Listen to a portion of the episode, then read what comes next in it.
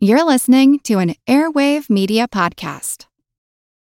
Look, Bumble knows you're exhausted by dating. All the must not take yourself too seriously and 6 1 since that matters. And what do I even say other than hey? well, that's why they're introducing an all new Bumble with exciting features to make compatibility easier, starting the chat better, and dating safer. They've changed, so you don't have to. Download the new Bumble now. When you need mealtime inspiration, it's worth shopping Kroger, where you'll find over 30,000 mouthwatering choices that excite your inner foodie. And no matter what tasty choice you make, you'll enjoy our everyday low prices, plus extra ways to save, like digital coupons worth over $600 each week. You can also save up to $1 off per gallon at the pump with fuel points. More savings and more inspiring flavors make shopping Kroger worth it every time. Kroger, fresh for everyone. Fuel restrictions apply. This is Kick Ass News. I'm Ben Mathis.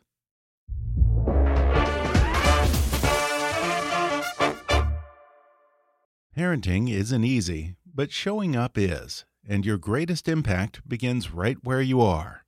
One of the best scientific predictors for how any child turns out in terms of happiness, academic success, leadership skills, and meaningful relationships is whether at least one adult in their life has consistently shown up for them.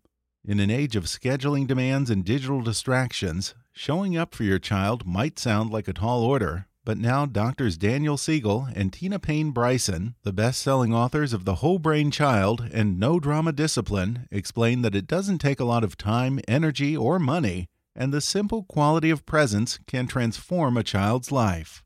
It's all in their new book titled The Power of Showing Up How Parental Presence Shapes Who Our Kids Become and How Their Brains Get Wired.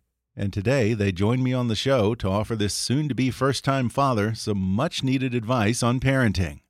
They explain what it means to really show up for your children and how your interactions with your kids are shaping the course of their lives and literally altering their physical brain. They discuss the latest discoveries in attachment science, some tips for encouraging the baby scientist in your kid, and why sometimes with children it's best to answer a question with another question. Plus, we talk about the perils of hyperparenting, the difference between soothing a child and coddling them, and how even people who experienced neglect and abuse from their own parents can break the cycle for the next generation. Coming up with Daniel Siegel and Tina Payne Bryson in just a moment.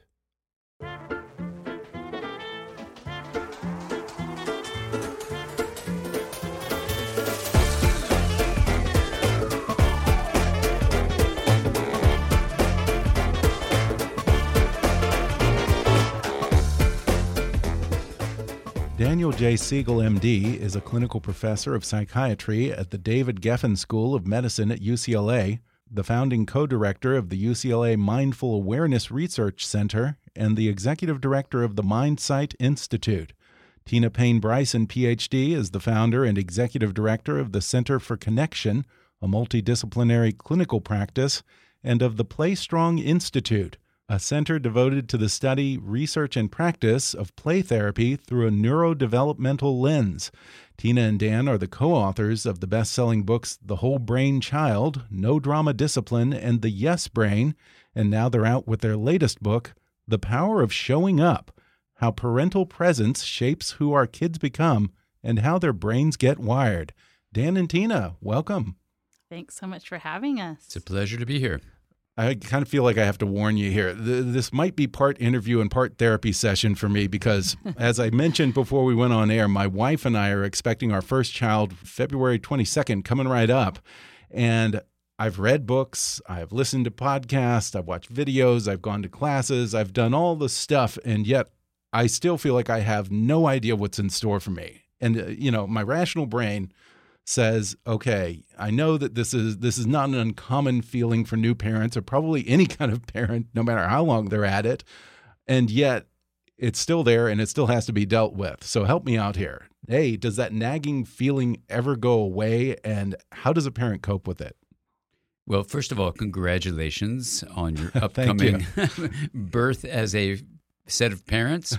uh, and it is always there, that feeling like, oh, what's it going to be like? How can it be better? And I think what Tina and I really wanted to do in writing all of these books, but especially The Power of Showing Up, was to give parents what is the essence of what we need to do as parents. And it actually is based on science and it's very practical.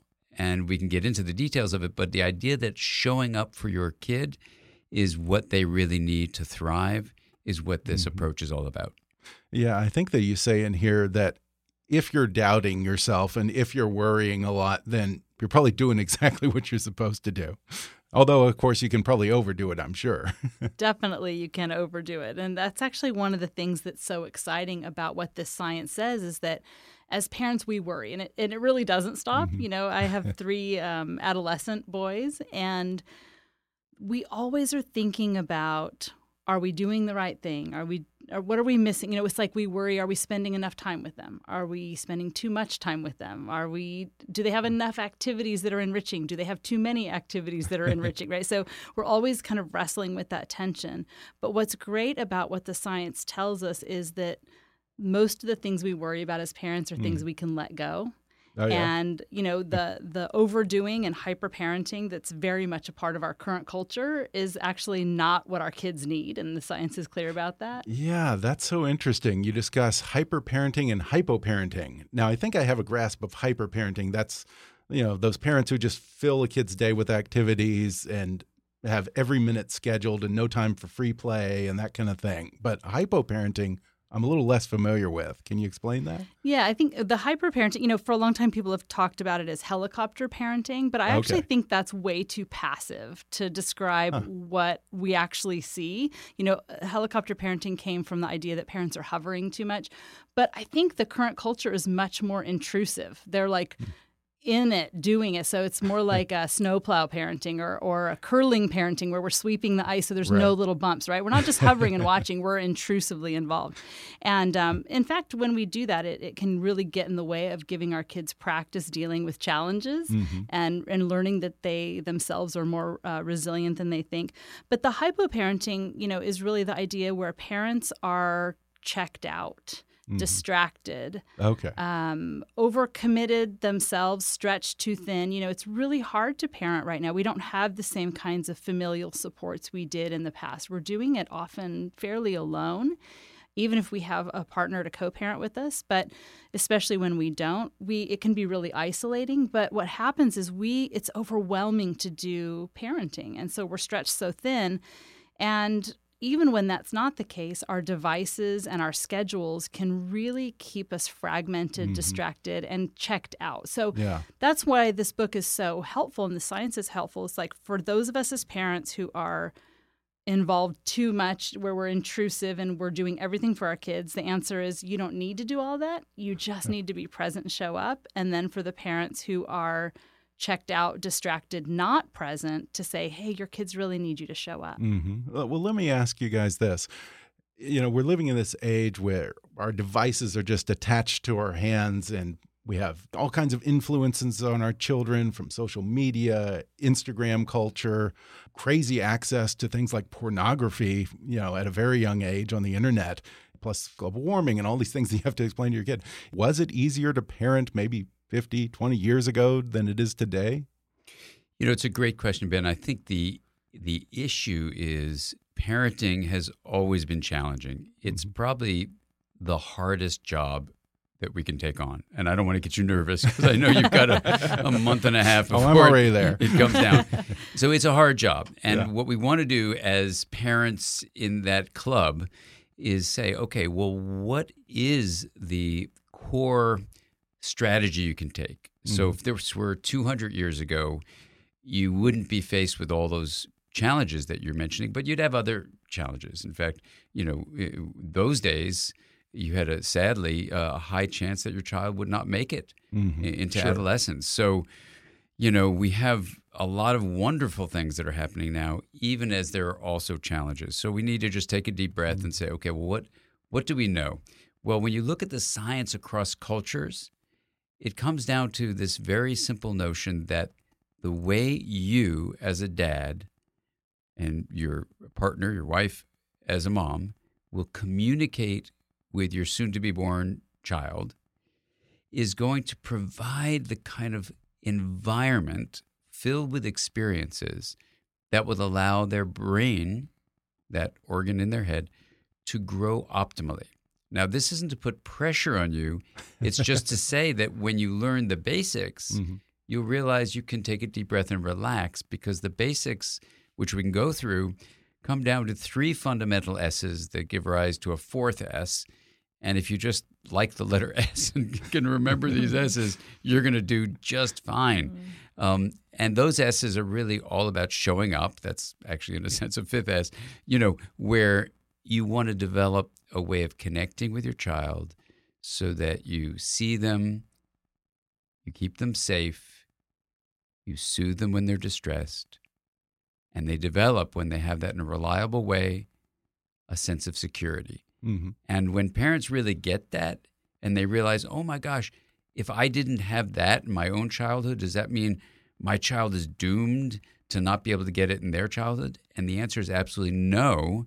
The fact is that even if you had a very challenging childhood without these S's, you can learn to develop this capacity to show up for your child now. And that's why Tina and I wrote this book, is because parents actually can earn security so that they learn these very simple steps to take a deep breath, show up, and your child will thrive and develop things like resilience, things like grit, things like kindness and compassion. And that's a new way of measuring successful parenting is to have your child have these ways of thriving. And before we get to the four S's, I want to kind of talk about the research that underpins this book. There's something called attachment science. What is attachment science?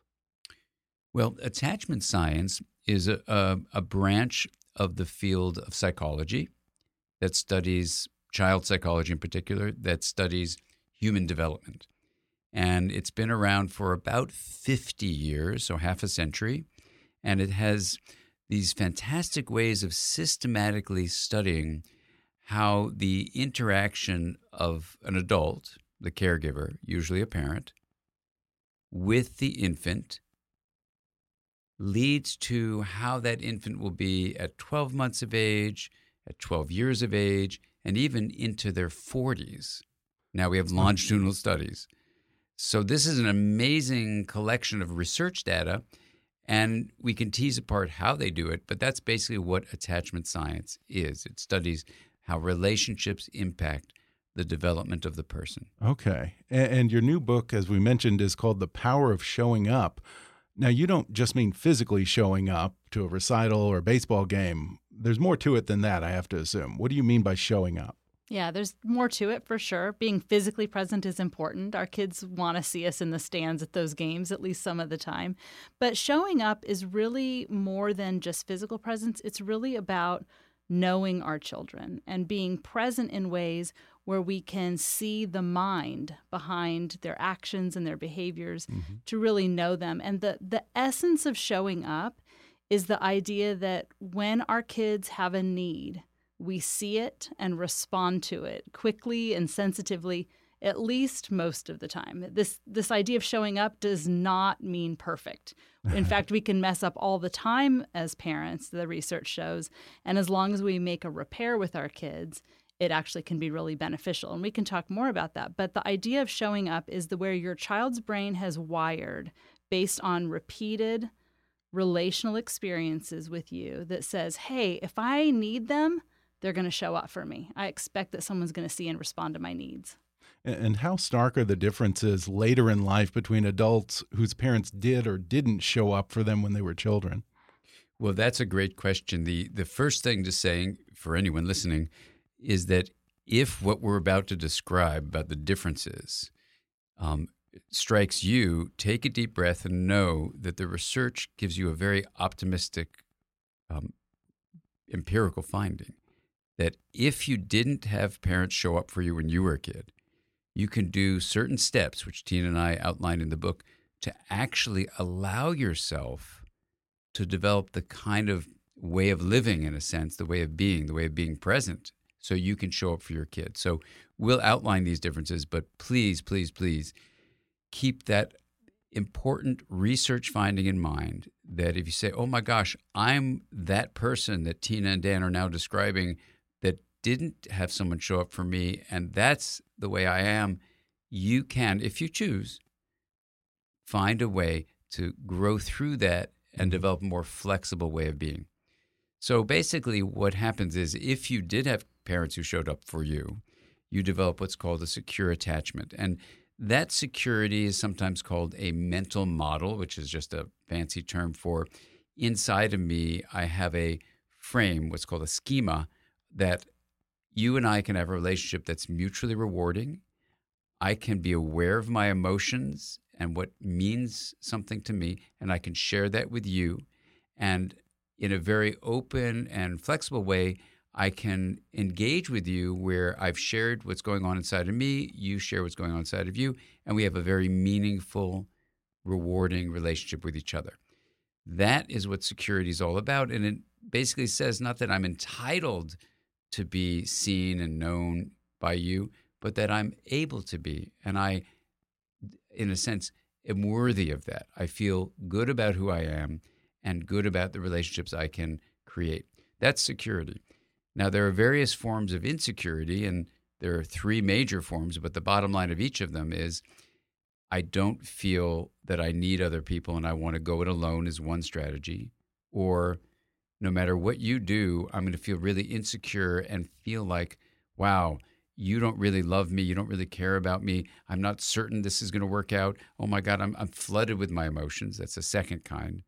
And a third kind is if I've had terrifying experiences that I haven't worked through, so it's still unresolved loss or unresolved trauma, then I will have a fragmentation of my mind called hmm. dissociation, where, especially when things get tough, I'm going to have a disconnection with the feelings in my body from my awareness, or I might feel like suddenly filled with rage, or I might get filled with flashbacks of memories of painful things that happened in the past so that I can't really show up for you as a friend, or if it's my child we're talking about, I can't really show up for them because I'm dissociating, I'm fragmenting mm. my mind.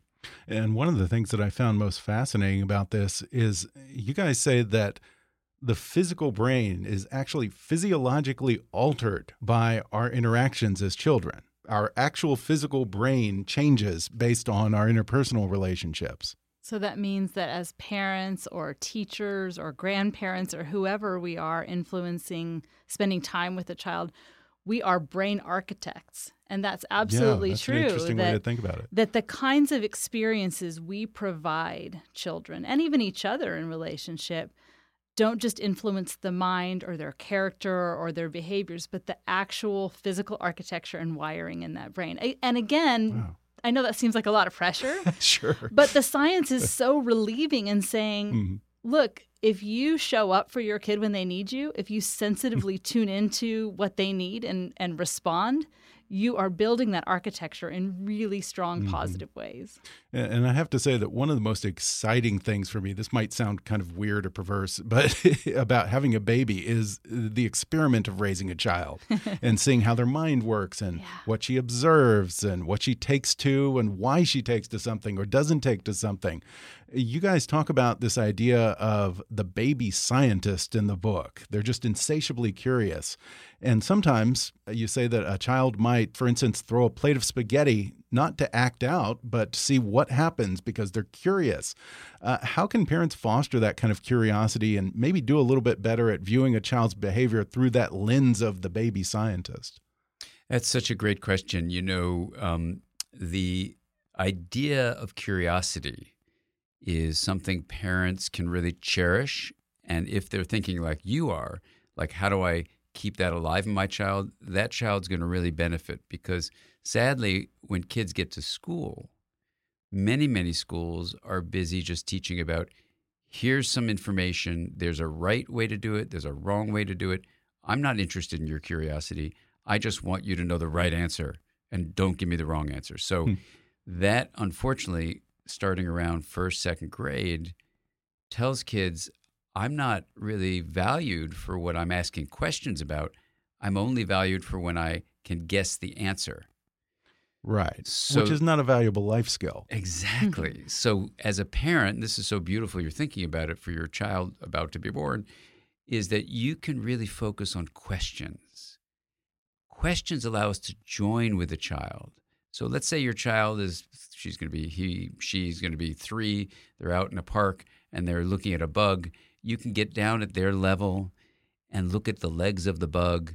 And, and, and she may say to you, uh, why does the, the bug have six legs and not uh, two, like we do? And you go, oh my God, that's a really interesting question. What do you think? Which is very different. That's a set of questions from saying, Huh. oh, well, bugs have eight legs, but actually spiders, no, what is it? Spiders have eight, the other ones have six, whatever it is. Okay. And you just give an answer. No, Huh. continue with questions. Interesting. and kind the- of developing the Socratic mind there. Exactly, because Yeah. that allows your child to see my dad really loves that I'm curious. He loves that I ask questions, and together we can explore the nature of reality rather than he's going to download to me like an encyclopedia the final answer, you know? Yeah. So, this is the first thing. The second thing, just to say about it, is you know, you, by asking that question, are showing us that you're really interested in the mind of your child Mhm. because curiosity is an inner state of wonder. And that is a part of the mind. And we have a term we use called mind sight.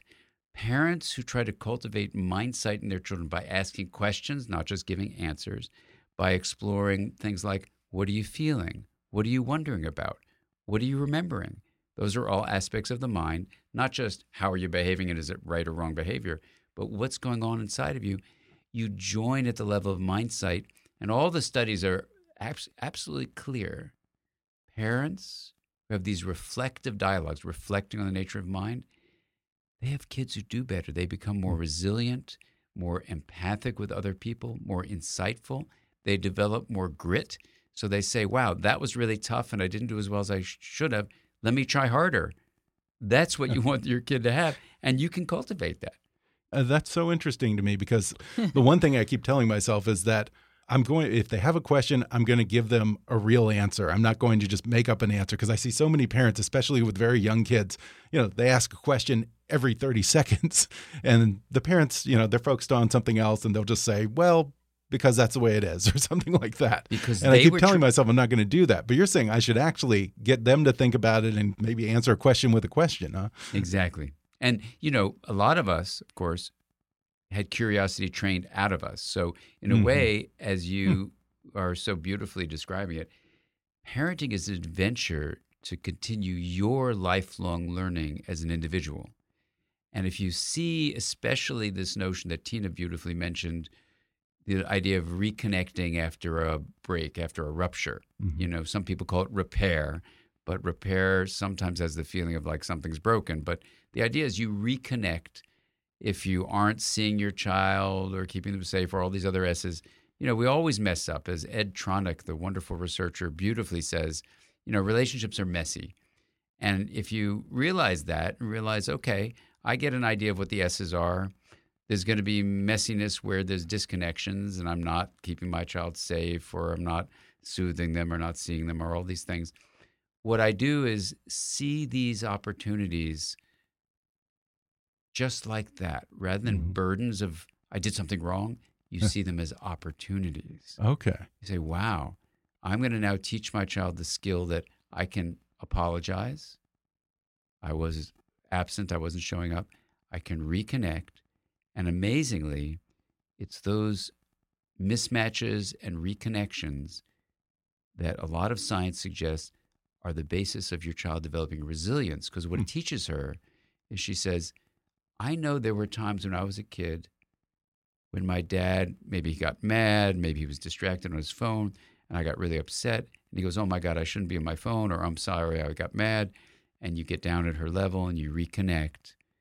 That gets embedded literally in her brain as a memory. Things can be really tough, but with love and connection, they can get better. Mm-hmm. And now I've learned the mismatch reconnection pattern is something. So when things are hard, I don't despair. That's where resilience comes from. I know it's going to be okay because Yeah. you taught me Huh. that, Dad. We're going to take a quick break, and then I'll be back with more when we come back in just a minute.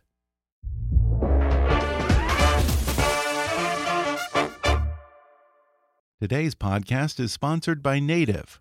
Many conventional deodorants contain aluminum, which forms a plug in your sweat glands to keep you from sweating. But Native's deodorant is made without aluminum, parabens, or talc, so you can feel better about what you're putting on your body. Native deodorant is made with ingredients you've heard of, like coconut oil and shea butter. It's also vegan and never tested on animals, and it really works. Native will keep you smelling and feeling fresh all day long. With over 10 scents, including their classics like coconut and vanilla, and rotating seasonals, you're guaranteed to find one you'll love. And there's a wide variety of options for men, women, and even teens. There's no risk to try because Native offers free shipping on every order and 30 day free returns and exchanges in the USA. Check out their over 9,000 five star reviews from happy customers who made the switch to Native. Lately, I've been wearing Native's eucalyptus and mint deodorant. It smells refreshing and natural the way a deodorant should smell, and it keeps me feeling fresh from early in the morning well into the night. It rolls on dry and it holds up under pressure, whether I'm running around to meetings or running on the treadmill. For 20% off your first purchase, visit nativedeodorant.com and use promo code KICK during checkout. That's nativedeodorant.com and promo code KICK for 20% off your first purchase. One more time, that's nativedeodorant.com and promo code KICK for 20% off. Kids need to feel safe not just from external threats, but you say they need to feel safe from a perceived threat or anger coming from their own parents sometimes.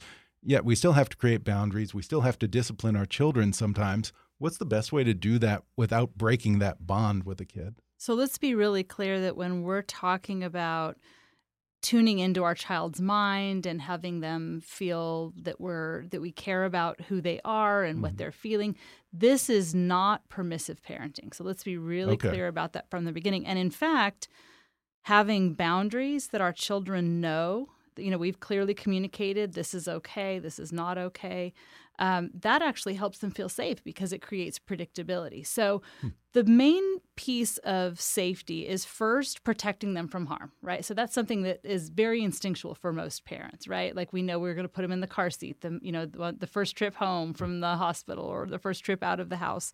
Um, we really want to protect them from harm, but one of the things that often gets left out is the second piece, which is really important, and that is that we should not be the source of their fear and their source of their terror. And Dan alluded to this before when he was talking about sort of these one of these insecure styles of attachment. Um, and if you think about this, you know the the drive to be connected and protected is very primal. It's very mm. much part of even our our mammal sure. brain where you know i think about like a little bear cub and out in the forest and a predator starts coming toward them or they get hurt or they get scared their biological instinct is to run to their attachment figure to make sure that they're safe so we have this biological drive that says go to your attachment figure to be safe but if your parent is the source of your fear the source of your hmm. terror, it actually creates disorganization in how the brain tries to process that because you have one circuit that says go to where there is safety, which is supposed to be your caregiver, and you have another circuit that says get the hell away from what's dangerous. So that that's an important part of that. Now, of course, what we're talking about there is more in terms of abuse and neglect, which is, you know, very much more common than most people realize. But the second part of that is more micro ways that we might as parents you know, be frightening because we're unpredictable, yelling right. at our kids or. And, um, and yeah. I have to think that a lot of times we're probably not even aware that we're being perceived as a threat. That's right, and I think that's why it's really important. You know, I remember one time I was I was with my niece and I was on the phone with a customer service person and I was clearly communicating that I was frustrated, and she was three or four. You know, they're incredibly perceptive mm-hmm. and amazing, and she said, "Auntie Tina, you mad?" And you know, that's a moment where if I say, "No, I'm not mad," then she she has sort of only two ways to make sense of that. Either one, she doesn't tell me the truth, mm-hmm. or I must not be right when I think an emotion is that. Like so then she huh. has to doubt herself. Oh, so much better in that moment. Yeah. You know, yeah. I know times and this happens particularly when you're in the car with your children. Let me just warn you. There's all uh, sometimes these moments. It's harder, you know, you can't get down to eye level and give a hug and all these mm-hmm. things. So, you know, there there are times, you know, where we can, you know, emotions run high, you know, Dan has written about this idea of flipping our lids, you know, where we go to kind of more primitive ways of, of acting out. But in those moments, to even be, even in those moments when our emotions are running high, we can help our kids feel safer by just naming what's happening. So mm-hmm. I could say, I'm mad, you're mad, your brother's mad. We shouldn't talk to each other right now because we all you know, are not going to handle ourselves in a way we would like. So we're just going to take a few minutes and breathe and calm down. So even them knowing that I'm aware that that's happening can help, help create that safety. But I think the other thing that can happen is if if households where there's a lot of chaos and fighting.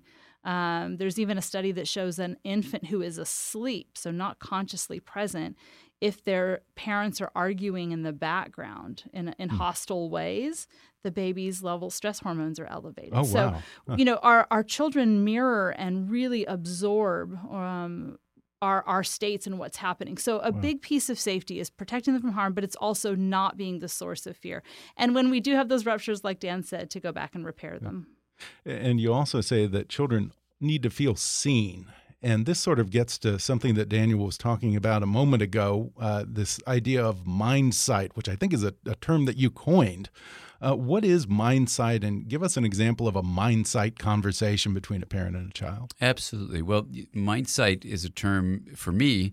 Uh, I made up uh, when I was in medical school. I actually dropped out of school because my professors acted as if their patients and even their students were just like bags of chemicals that they could diagnose disease but not identify feelings and really? the meaning of things. So I dropped out of school and when I was reflecting on, you know, what had happened to me during those first 2 years of school, I made up this term mindsight when I decided to go back that there were two perceptual systems. One was the system that we see the physical world like you know, doing an X-ray on bones, for example, you need your physical sight or eyesight to do that. But if someone has a broken bone and they're an athlete, the emotion of not being able to perform their sport is really significant for that clinician to know about. Mm-hmm. So, what is that? What is an emotion? What's meaning? Well, you had to put it somewhere. So I just said, well, it's part of the mind. Huh. We call it subjective. You know, it's the inner sense of something, the felt texture of life. But even though the word subjective implies, oh, it's not as important as the objective, science has shown it's just the opposite. Relationships, including parent child relationships, that focus on the subjective felt texture of life of the child in this case, that is, that are seeing the mind, mind mm-hmm. sight, it's using a different network of perception. So I call it the mind sight network, that you can sense what's going on subjectively in another person. So when I went back to school, I studied those professors and I noticed that the patients who were with physicians who didn't see their mind didn't do as well as the others. Studies later on would show that even if you go with a common cold, and uh, it's a controlled study, but basically one set of doctors are told just tell the person, you know, drink lots of fluids and you call me in the morning, whatever. The others say the same thing, but they hmm. take about 30 seconds to say, oh my gosh, this is May and you're a student. Yes, this must be so frustrating for you to have a cold. Yes, okay, do this, do this, that. The ones who got the empathic comment got over their cold a day sooner. And when you studied their immune response, wow. it was much more robust. What we know is relationships that have mindsight in them, basically, that are involving empathy and compassion, a feeling of what one patient of mine once called feeling felt. Mm-hmm. When you feel that the other person gets you, what Tina and I just used the simple word sees you, that they know you. That's using your mind sight circuitry to connect with your child. And the studies are amazing, and I could go through them one by one, but let me just summarize them for you. When parents do that, when they actually reflect to their child, that they're taking in the signals from the child and get a feeling for what the feelings are, the thoughts, the intentions, the meaning, the memories for that child. And you can do it in the form of questions. You don't say, I know your mind when you don't. You say, I wonder if that was scary. So here's an, here's an example. A child, let's say, is three and a half. She's running down the street. She's so excited that she's got this ball in her hand, but she doesn't look and see a stone. And she trips over the stone, falls. Now, you have a couple of ways you can respond as a parent. One might be to ignore it and just say, oh, she's three and a half. She can handle it herself. She's screaming and crying, and maybe she scraped her knee. You just ignore it because you think, pull herself up by the bootstraps, and that's the way she's going to do with Right. life. Teach her now rather than when she's 30 and still living in a crib or something like that. You know, that's one approach. Another approach is get down on the floor and cry your eyes out because your child fell and go, oh my God, oh God, that was so mm. terrible, so terrible. Oh my God, how can you fall like that? Oh, my sorry, it must hurt so much. You know, and you could feel the anxiety of that, right? Okay. So that's over identifying Yeah. over identifying with your child's pain. Another approach is where you differentiate from your child. So you get down to your child's level and go, Wow, sweetie, are you okay? That must have been really shocking because you were so excited about the ball. There's the mind sight there. You're recognizing their excitement that you may have gotten distracted about the stone. So you understand where her attention was. Again, the mind. And you fell, and that was scary. Now, that's very different from a parent who just attends to their kid and just says, get up, Mhm. Right? So that's another option. You just get to your child, you pull them up and say, get up. Even if it's done nicely, it's still not involving mind sight dialogue, which Mhm. uses what's called mental state language. That is, I said, you were excited about the ball. You may have been surprised about the fall. You didn't see the rock because your attention was somewhere else. I'm teaching my child there about how her mind works, that her mind is valuable to know by me, and that she herself can learn about the mind for insight for herself. And then she develops empathy and compassion for others. This is where social and emotional intelligence are built upon mindsight. And this is something you can teach your child as a parent. Interesting. So the roots of these qualities like self-awareness and resilience, which we think of as sort of, for lack of a better word, inner skills, are more the result of interpersonal interactions than uh, some kind of internal realization. Huh? Yeah. Exactly. Wow. So well said. You said that beautifully. well, I, I'm curious. The third S is soothe, and I think we kind of talked about that a little bit just now. But it's kind of hard. You know, it's very easy for us to get overwhelmed or distracted and to be dismissive of a kid's problems, or worse, to get just impatient and Yeah. angry about them. Do you have some tips for how we can be more soothing and less dismissive or reactionary? Yeah, that's a really hard one to do a lot of times as parents, you know, and, Yeah. and, and it's very common in our world to have that kind of pull them up by the bootstraps mentality. Or, you know, we say things to kids all the time like, you know, there's no monsters, there's nothing to be worried about. Or, you know, we, we kind of Sure. dismiss their internal experience. And I think that's been a theme of what we've been talking about this whole time is that the idea of seeing the mind behind the behavior. And, and that gets especially tricky when it's a discipline issue, you know. So the way that we think about soothed is the idea that we are there to help our child go from a chaotic reactive state mm-hmm. back into an integrated state or back to what we call being regulated, right? And so a lot of times um, there's a fear of parents, you know, and we can do so much fear-based parenting. You know, we think, oh, if we if we let them do this one thing or if I, you know, whatever, uh, you know, our mind easily is like they're going to live in a van down by the river and Right. we do all that. But the soothing piece is really the idea of saying, I'm here to help you. And and when parents actually really fear that when we do that we're coddling them or we're indulging them. Sure. And and really the opposite is true. And because what we know is that what we're doing in soothed is really something we might call co-regulation. So your child's hmm. in a really reactive state, the parent steps in to help support and help them calm down, help them feel good again.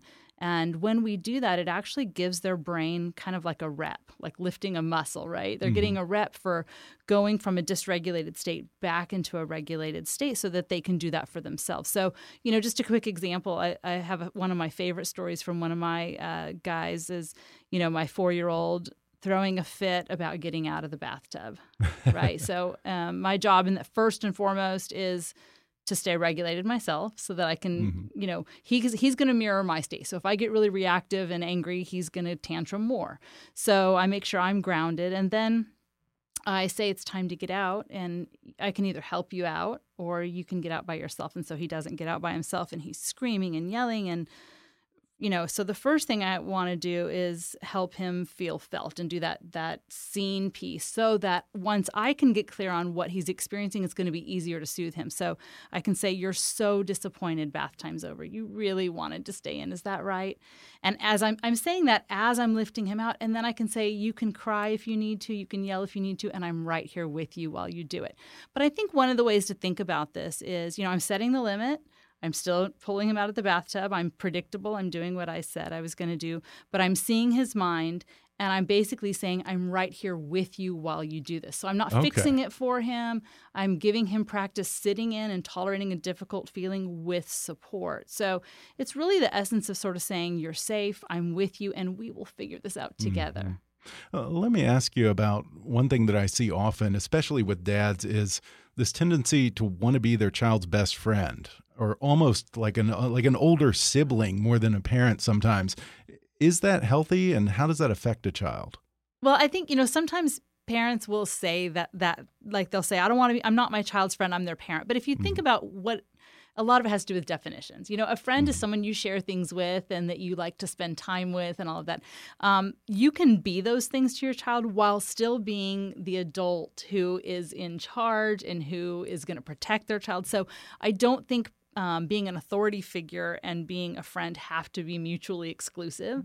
I think what's important is that we want to build relationships. You know, so much of the time when parents use that kind of saying where they say, I'm not my child's friend, they're often telling their kid, like, I don't want to hear about it. You know, if you're going to cry and throw a fit, go to your room. I don't, I don't, I don't want to hear about it. Sure. What happens is when we say that repeatedly, our children internalize that mm. and they're like, not only do they not want to hear about when I'm in distress, when I'm falling apart, when things are hard, not only do they not want to hear about it, but they're not going to help me. So it actually can amplify their states of distress because then they go, okay, they don't get me and I'm totally on my own. Hmm. So I think we can promote if you think about, you know, the idea of building relationship where you're sharing your life together and you're delighting and spending time with the other person. To me, those are the two biggest pieces of friendship.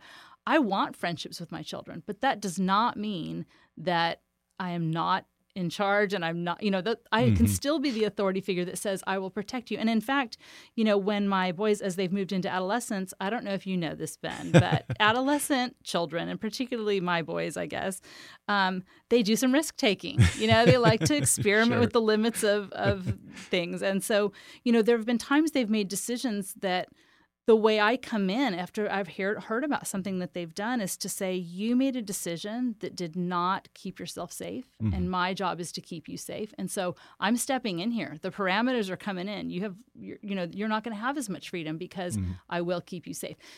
And so that's definitely Just not a doing my friend job. thing, right? And that's not a friend thing. That's Yeah, a parent yeah. thing. And so Okay. I don't know, Dan, if you have another thought about that. No, first of all, you can see why I love working with Tina. you are just so fantastic, and it's you. just so You great. Dan. You know, um, I would just add on those Yeah. magnificent things that you said. Um, uh, two two things to build on what you're saying. One is attachment is the way we turn to someone to be safe, to be seen, to be soothed, and that's really all about attachment. It is true that when you're an adolescent and then in your adulthood, your friends, close friends, can be attachment figures for you. hmm So just to name that, um, and that's a beautiful thing. Mentors can be an attachment figure for you, but in friendships or a romantic partner, you are looking to be kept safe and to be seen and soothed. Okay, so that's hmm. where exactly like you're saying, Tina. You know, attachment and friendship aren't exclusive. The second thing to say, just to build on what you beautifully said, is, you know, parenting requires that we set limits when kids are, in a sense, designed to push against those limits. So the studies are really clear in something called permissive parenting, where no limits are set. It's not good for kids. hmm Or the opposite, something called Sure. authoritarian, you know, parenting, which is like you're a dictator and you don't ask the questions of your kid of what are they feeling, what are they thinking to join with them. That's not helpful either. The middle ground, authoritative, where you are an authority figure creating limits, is really what I think Tina and I have written about in our other books too, that we write in The Power of Showing Up, which is this you're building what you can simply call an internal compass in your child. It's a set of internal skills that, just like you say, Ben, come from interpersonal relationships. And what that relationship is, is from a, your point of view as a parent, is you're a skill builder. You're a, a neuro architect for sure. You are a neurosculptor, where you are helping literally build these networks of an internal compass. What does that mm-hmm. mean? It means, for example, I have a 25 year old and 30 year old, and we were all out to dinner with my mom, who's you know, you know who's 90, and there was this beautiful moment when we were talking about friends and the friends she has, and some of them are passing away, and what friendships mean to us, and and you know, one of my kids turns to me and says, "Dad, you know, I would consider you one of my friends now," mm. and it was beautiful. And I don't That's think he or she would have said that, you know, when they were 10, yeah. which is fine because yeah. I was their attachment figure mm-hmm. as a mm-hmm. parent. Mm-hmm. And my goal then, not so much now, but then was to say, how can I offer communication that helps build skills for them so that it's a, a an immediate, in the moment, I'm showing up for them so that I'm being present for them, right?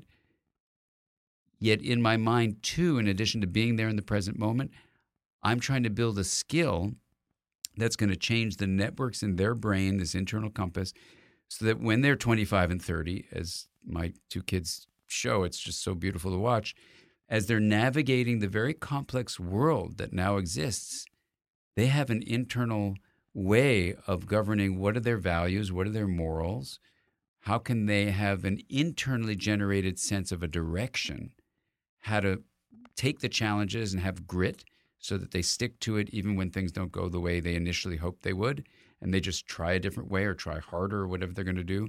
And both of them are that way. And i remember when our kids were young some of our friends would say why do you talk to your kids so much about how they feel just tell them what to do literally that was like the, the, we get this comment and and we would say my wife and i would say because we want them to learn about their feelings. Mm-hmm. Now, here's the key thing about feelings feelings and meaning are essentially coexistent in the brain. So huh. that the reason you want to tune into your child's emotional life, their feelings, is because if you want to have a meaningful relationship or have your child understand what matters, what has meaning, so that this internal compass then, when all the influencers are from social media are pressing on them, or I mean, you should hear my kids' dialogue about that. It's so beautiful because they have this internal compass that says, here's the meaning that I'm aware of because, you know, I've learned this. And I'm not going to just be influenced by social media or peer pressure, whatever.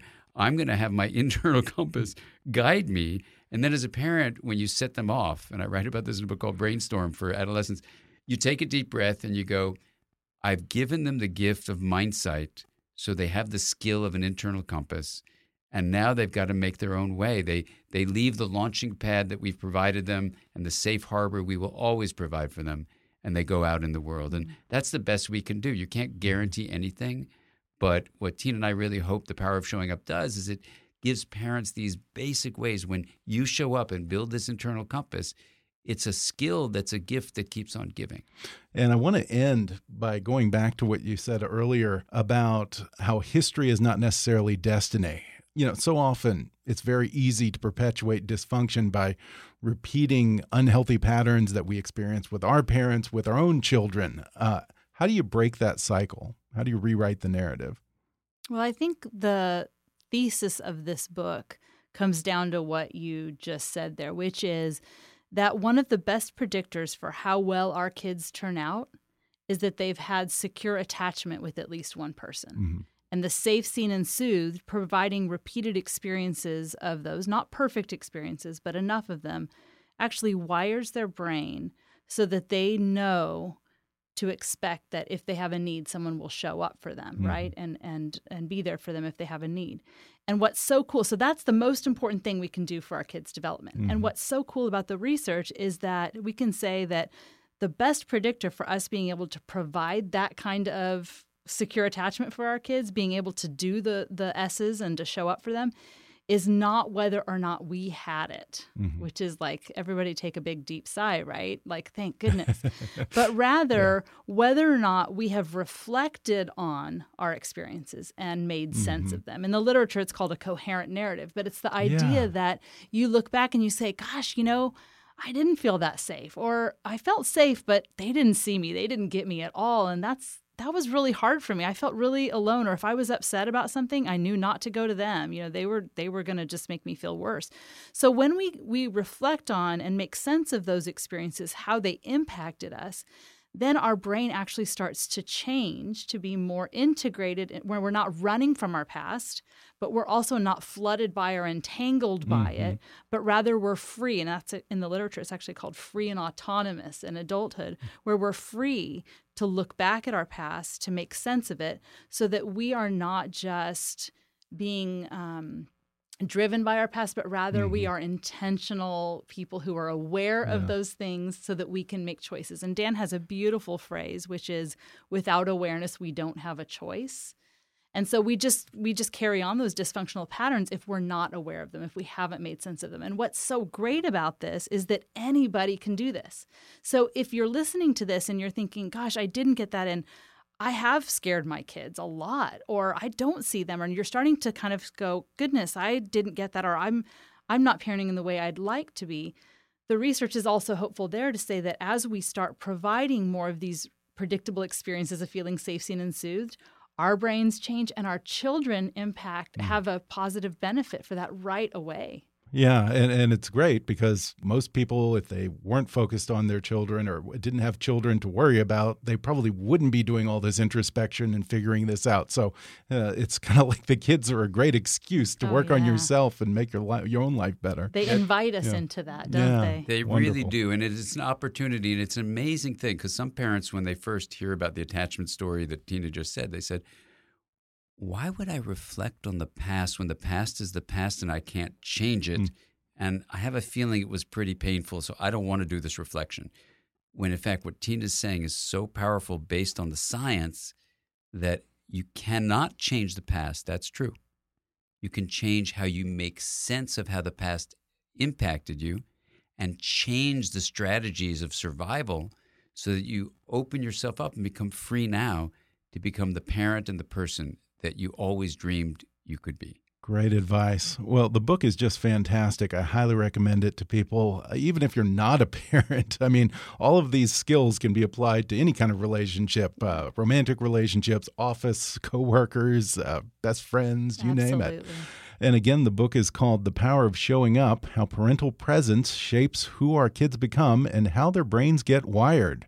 Daniel J. Siegel and Tina Payne Bryson, thanks for talking with me. Thank, you, Ben.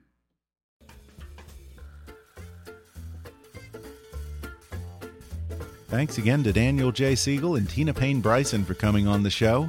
Their new book, The Power of Showing Up How Parental Presence Shapes Who Our Kids Become and How Their Brains Get Wired, is available on Amazon, Audible, or wherever books are sold. If you enjoyed today's podcast, be sure to subscribe to us on Apple Podcasts and rate and review us while you're there. Five star ratings and detailed reviews are one of the best ways for new listeners to discover the show. You can also follow us on Facebook or on Twitter at, at KickassNewsPod and recommend us to your friends on your social media. For more fun stuff, visit kickassnews.com, and I welcome your comments, questions, and suggestions at comments at kickassnews.com. For now, I'm Ben Mathis, and thanks for listening to Kickass News.